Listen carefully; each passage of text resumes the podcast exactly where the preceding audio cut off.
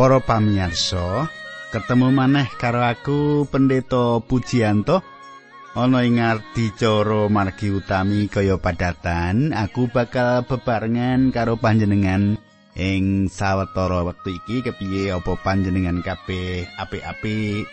Apa panjenengan kabeh diberkahi karo Gusti?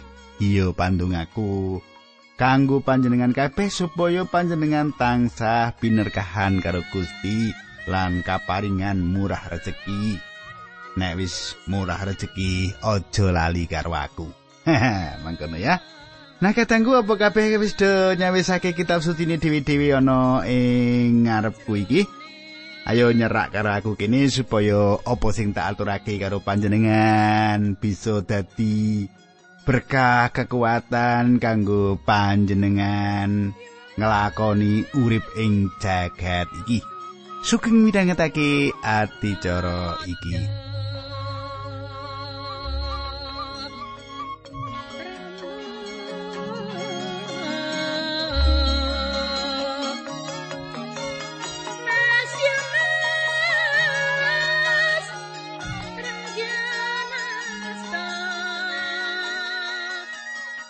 Sumitraku ing giaran kepungkur kita wis ngegilut kepriye kedadeane Nabi Musa lan Harun ditulungi dening Allah Pangeran kanggo yakinake bangsa Israel.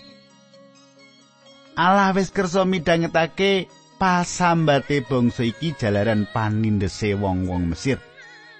Banjur kepriye sing dilakoni Musa sak teruse anggone cancut tali wondo kanggo ngentasake bangsane kuwi kang dikanthi Gusti Allah nanging sadurunge tak terusake kita ndedonga dhisik. Nyuwun Gusti Allah mitulungi kita.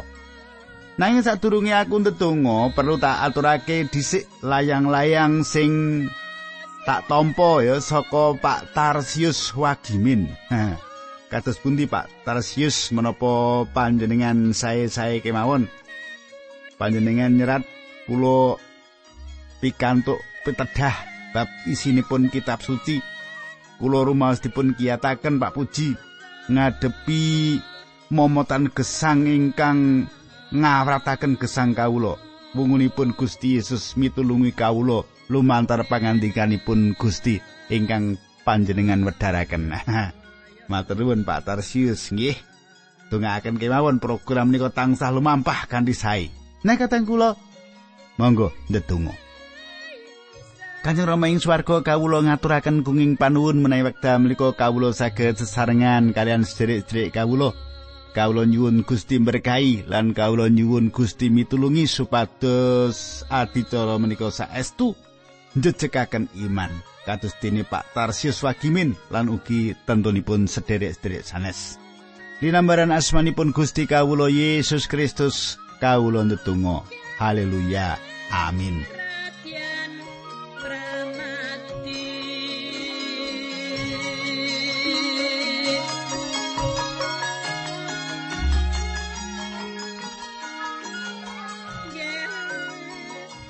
Kadangku kang ndak tresnani Ing pasinaon kita, kita wis ngancik ing pangentasan bab 5. Riringkasan bab pagebluk utawa tulah mau perlu kita semak meneh. Uga lelakon iki ngandut makna kanggo bangsa iki. Nalika Nabi Musa sepisanan ngadep Raja Firaun, gawe pangeram-eram yaiku tekene didadekake ula. Para dukune Firaun uga gawe pangeram-eram sing padha. Iki tegese iblis pancen duweni panguwasa ing Mesir. Sawise lakon iku nuli kedadian anane 10 pagebluk ing Mesir. Antarane siji pagebluk wewelak banjir getih.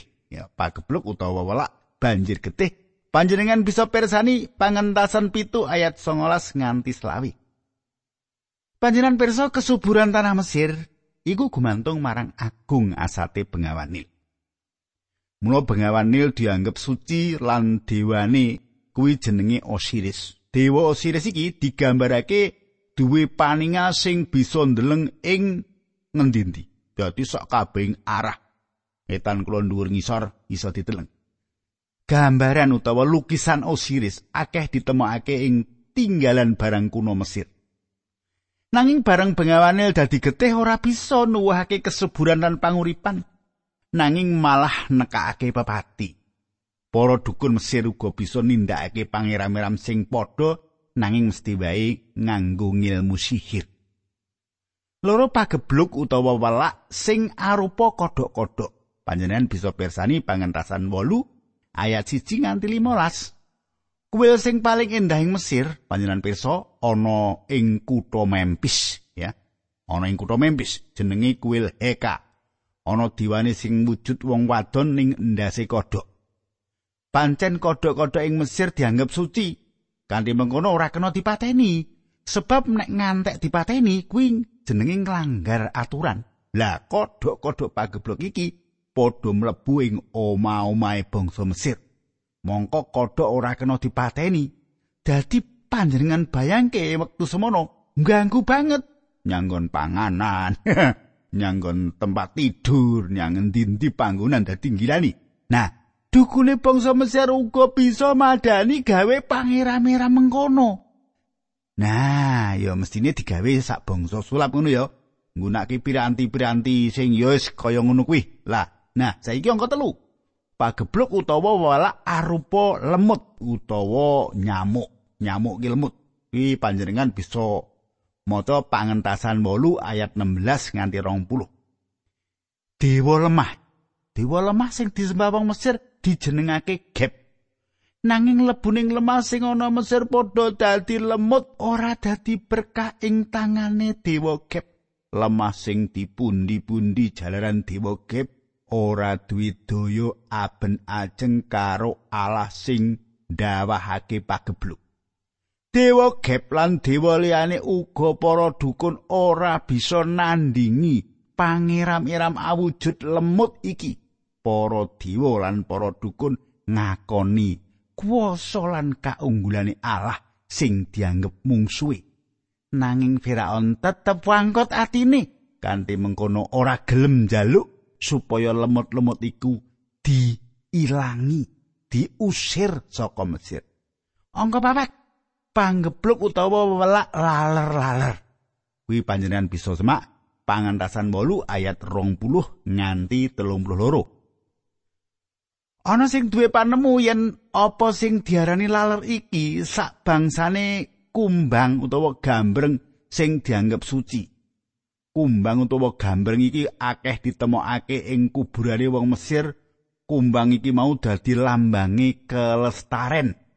Kumbang-kumbang iki mau suci tumrap dewa Ra, dewane srengenge. Nalika semono Firaun wis menehi idi marang Musa dililani ninggalake tanah Mesir nanging wusanane bareng pagebluk iki kelakon Firaun banjur mangkotake atine meneh ora nglilani Israel sing dipimpin dening Nabi Musa ninggalake Mesir. Lima pagebluk utawa wala arupa penyakit sampar kewan. Kuwi panjenengan bisa semak ing pangentasan songo ayat siji nganti pitu. penyakit sampar iki nyerang sapi-sapi. Kuil sing paling gedhe nomor loro ing Mesir uga ana ing kutha Memphis. Kuil iki kanggo nyembah dewa Apis sing wujude banteng sing ireng rupane. Angka 6 panggebluk utawa wala arupa penyakit wudun. Pangentasan songo ayat 8 nganti 17 jenengan bisa semak ing kono ya.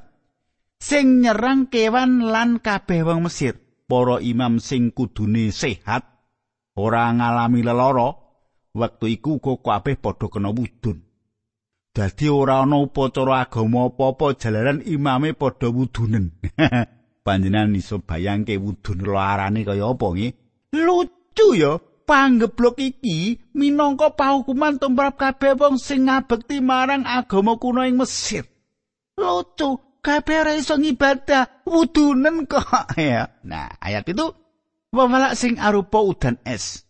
Pangentasan songo ayat 11 nganti 35. Panjenengan iso persani kuwi pangentasan songo ayat 11 tekan 35. Gusti Allah nedahake kuwase kanthi udan es saka ing langit.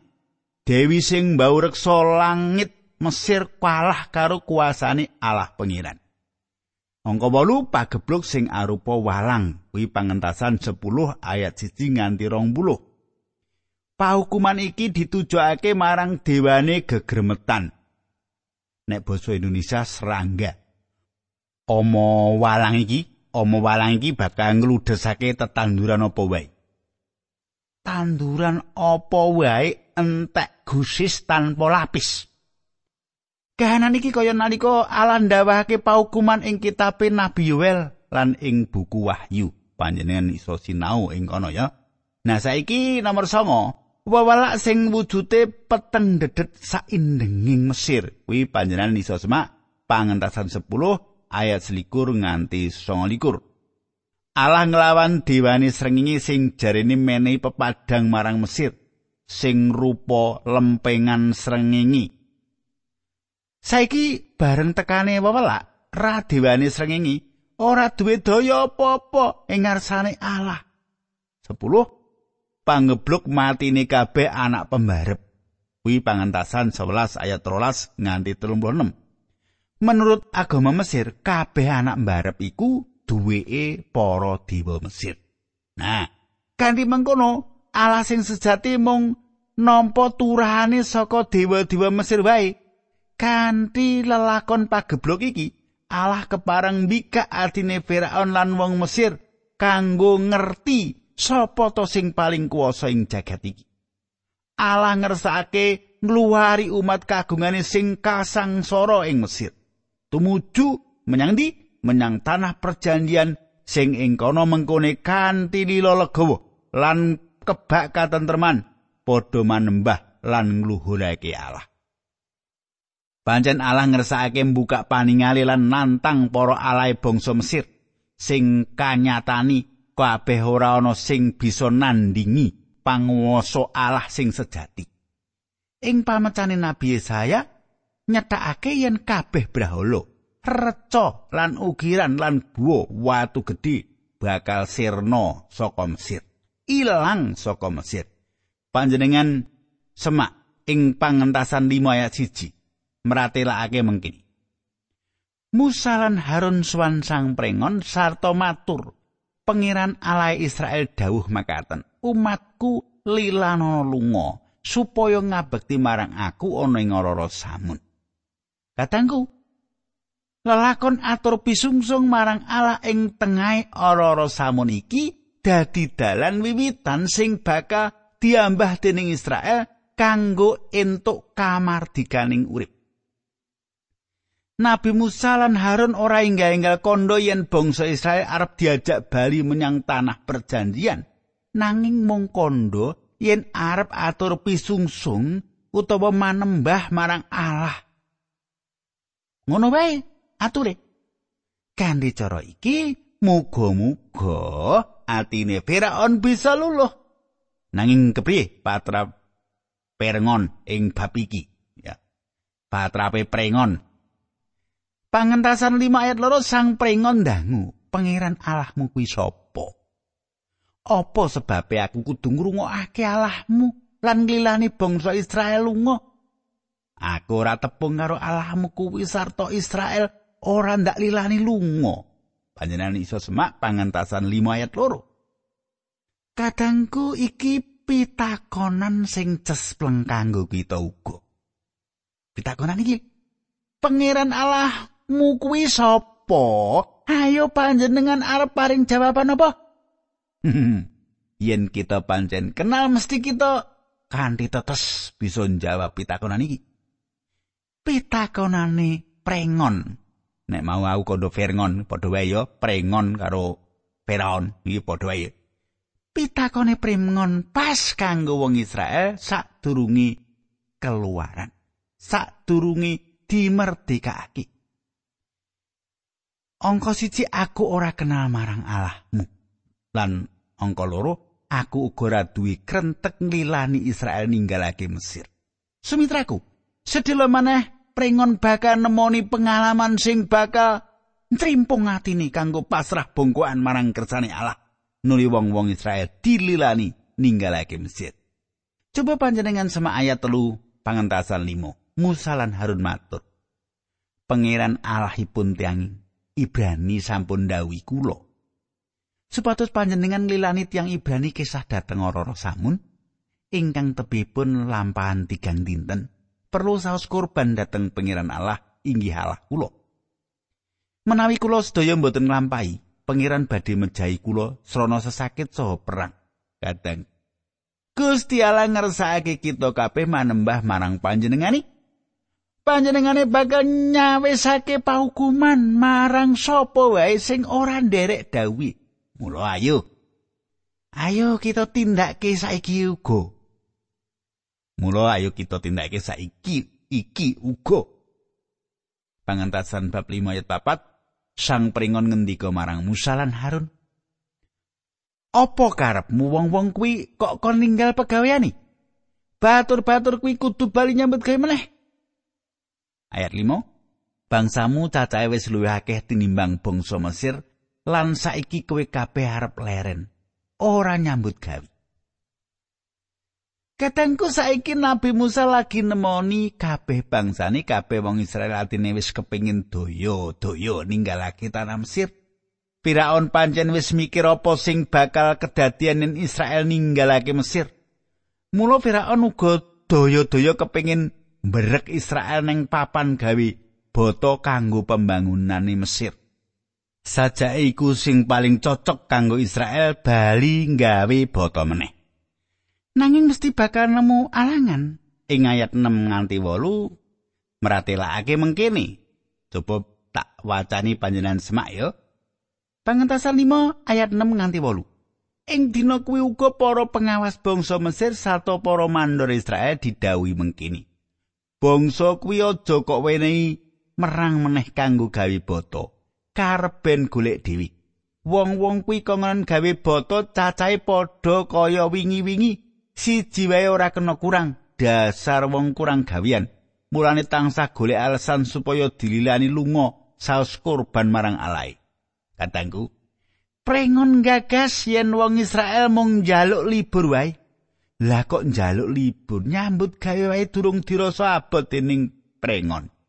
mula pasokane damen diendhekake pasokane damen dindekake lan nggone gawe boto asile ora bisa kurang kaya mauni dadi Israel nyambut gawe rangkep golek damen golek merang lan terus gawe boto kasangsarane Israel saben dina sangsaya tambah rekasali Saiki pangentasan bab 5 ayat 15, 16, 17, 18, 19, 20. Sak teruse. Engko tak ndeke dhewe arep tak wacake ya. Coba panjenengan sama iki.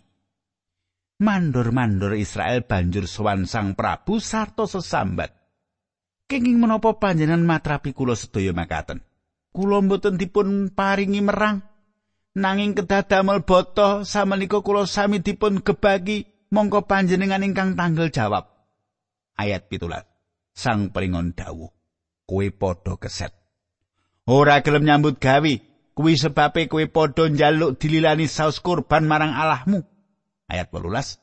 Ayo nyambut gawe maneh. Kue podo ora diweni merang. Nanging kudu bisa gawe boto sing podo cacai. Ayat 19. Mandur-mandur podo krosoyen wong-wonge podo repot banget. awit didawi kudu gawe boto cacahe padha kaya wingi-wingi. Ayat 20 sak pungkure swan sang pringon, wong-wong mau banjur padha nemoni Musa lan Harun sing pancen lagi ngenteni. Ayat selikur. Tembungi mandur-mandur mau, Gusti Allah sampun mirsa pokal panjenengan. Mira mesti badhe ngukum panjenengan sebab panjenengan ingkang dados jalaranipun kula sami dipun sengiti dening sang pringon tuwin para pengageng. panjenengan nyukani dadaan dateng piyambakipun kangge mejahi kula kadangku saiki wong-wong Israel padha ngluputake Nabi Musa lan Harun sing jarine uripe saiki malah tambah sengsara luwe sengsara ketimbang ngawula pringon lan Mesir banjur kepriye lan apa sing kudu ditindakake dening Nabi Musa lan Harun kitab suci nyerat mengkini Pangentasan 5 ayat 23. Musa banjur sowan marang ngarsane Allah meneh ature. Duh Allah. Menapa sebabipun padukun datengaken kasangsaran dateng bangsa menika?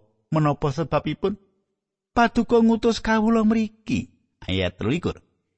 Wiwit kawula sowan dateng Sang Pringon matur dipun utus dening Allah. Sang Pringon sampun nyiya-nyiya bangsa menika. Lan paduka mboten maringi pitulungan menapa-menapa.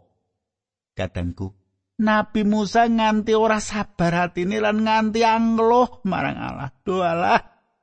Menapa sebabipun paduka datengaken kang sangsaran dateng bangsa menika? Menapa sebabipun paduka ngutus kawula mriki? Wiwit kawula sowan dateng Sang Pringon Gusti matur Menawi kawula menika dipun utus dening Allah Sang Pringon sampun nyiya-nyiya bangsa menika lan paduka mboten maringi pitulungan menapa-menapa. Etengku Nabi Musa ora bisa ndeleng. Gambaran sakwutuhe ngenani bedol bangsa saka Mesir menyang tanah Kanaan. Ora ndeleng gambaran sakwutuhe. Gusti Allah kan disabar lan lononan terus mujudake apa sing dikersakake. Ing bab 6 Allah jurung Nabi Musa lan bangsa Israel kanggo ngerti apa sing lagi ditindakake dening Allah. Allah kudu luwih akeh maringi pangulawentah marang sakabe. Marang Nabi Musa, marang wong Israel, apa dene wong-wong Mesir lan prengon. Kita wis ngancik bab 6 ing pangentasan, ing bab 5 akeh nyritakake bab wala bab gebluk peperangan antarane alai bangsa Mesir lan Allah sejatine bangsa Israel bakal inggal kelakon. Apa sebabnya? Bisa kita deleng apa sing wiwitan ditindakake dening Nabi Musa, Harun lan para tetuwane bangsa Israel, yaiku njaluk palilah saka pringon supaya Israel dililani ninggalake Mesir. Ngaturake upacara asung kurban marang Allah telung dino suwini Jawabane pringon ora kok ora kenal marang Allah Israel pancene kepengin nambahi kasangsarane wong Israel supaya padha gawe boto meneh. Nganti wong-wong Israel padha angluh lan ngrintih marang Nabi Musa lan Nabi Musa banjur angluh kasangsarane marang Allah Allah kepareng yakinake Nabi Musa sapa to panjenengane lan apa sing bakal ditindakake.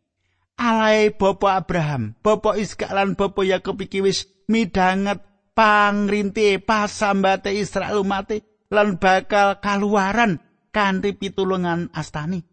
Allah ngersakake supaya Nabi Musa gelem nyinau apa sing wis ditindakake dening Allah marang umat marang para leluhuri. Wis bola-bali pitulungane Allah kasat mripatan wis dirasakake. Sarta kersane wis didhawuhake yen Allah kepengin ngluwari bangsa iki. Allah wis bola-bali uga mbela kahanane Israel nalika ngadepi alangan. Panjenengane Allah sing iku uga sing wis paring pitulungan marang kita. Bisa uga panjenengan ora perso yen saiki iki Allah uga makarya ana ing tengahing urip kita. Coba panjenengan semak Filipi 1 ayat 6. Mangkene surasane. Mulane aku yakin temanan yen Gusti Allah sing wis miwiti penggawe becik iki ana ing kowe, ya bakal nglajengake pakaryane mau nganti sarampungi ya kuwi tekan dina rawi Sang Kristus. Allah pirsa sakabeh kabutuhan kita. Panjenengane uga pirsa yen ati kita lagi semplah, ora ana pengarep-arep panjenengane pirsa. Panjenengane Allah uga ngersakake mitulungi kita kaya nalika mitulungi bangsa Israel metu saka tanah Mesir. Yehua Allah sing langgeng iku sing dawi lan jurungi Nabi Musa supaya tetep mantep ing pangarep-arep. Sumitraku, kita wis tekan pasal 6 bab 6 ing pangentasan iki. Coba panjenengan semak ayat siji. Gusti Allah banjur ngendika marang Musa, "Saiki kowe bakal weruh apa sing bakal ndak tindakake marang sang prengon dheweke bakal ndak peksa nglilani umatku budal sejatine dheweke bakal ndak peksa hingga-hingga nglungakake umatku saka negara iki Sumitraku ing bab 6 iki diwiwiti pangandikani Allah marang Musa yen panjenengane iki sak tuhune Allah. Panjenengane sing ora perlu menggale mangsa sing arep teka sarta ora merlokake cadangan apa wae. Apa sakersane bakal kelakon jalaran saka panguasane. Allah ora gumantung marang apa lan sapa wae sing wis cinipta, malah kabeh sing wis kacipta suminde marang panjenengane. Gusti Allah ngersakake Nabi Musa sumende lan pasrah marang panjenengan Allah. Ayat loro. Ayat loro Gusti Allah ngendika marang Musa pangandikane, "Aku iki Allah kang ngetingal marang Abraham, Iskak lan Yakub, Allah kang Maha Kuwasa, nanging aku durung nyumurupake yen asmaku Allah kang suci." Ayat papat. Karo dene aku ya wis janji karo leluhurmu yen arep maringake negara Kanaan. sing biyen padha dinggoni nalika dadi wong naneka. Ayat 5. Pas sambate wong Israel sing dianggep budak dening bangsa Mesir, wis ndak rungu sarta aku kengetan marang janjiku. Kadangku Allah ndawake marang Nabi Musa yen wis tau nedahake pribadine ing ngarepe para luhure senajan ora wujud Sang Yehuwa. Yo Allah Yehuwa iki sing kagungan bangsa Israel sing arep nebus lan ngangkat bangsa iki ngluwari saka panindes lan nuntun lon-lonan bali menyang tanah perjanjian.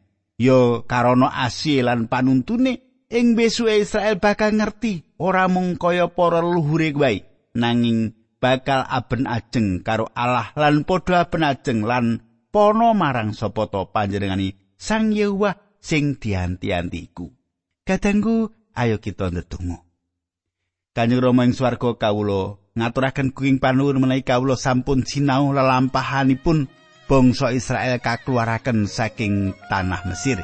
Kawula nyuwun Gusti mitulungi kawula kados dene paduka nulungi bangsa Israel. Dinambaran asmanipun Gusti Yesus kawula ndedonga. Haleluya. Amin.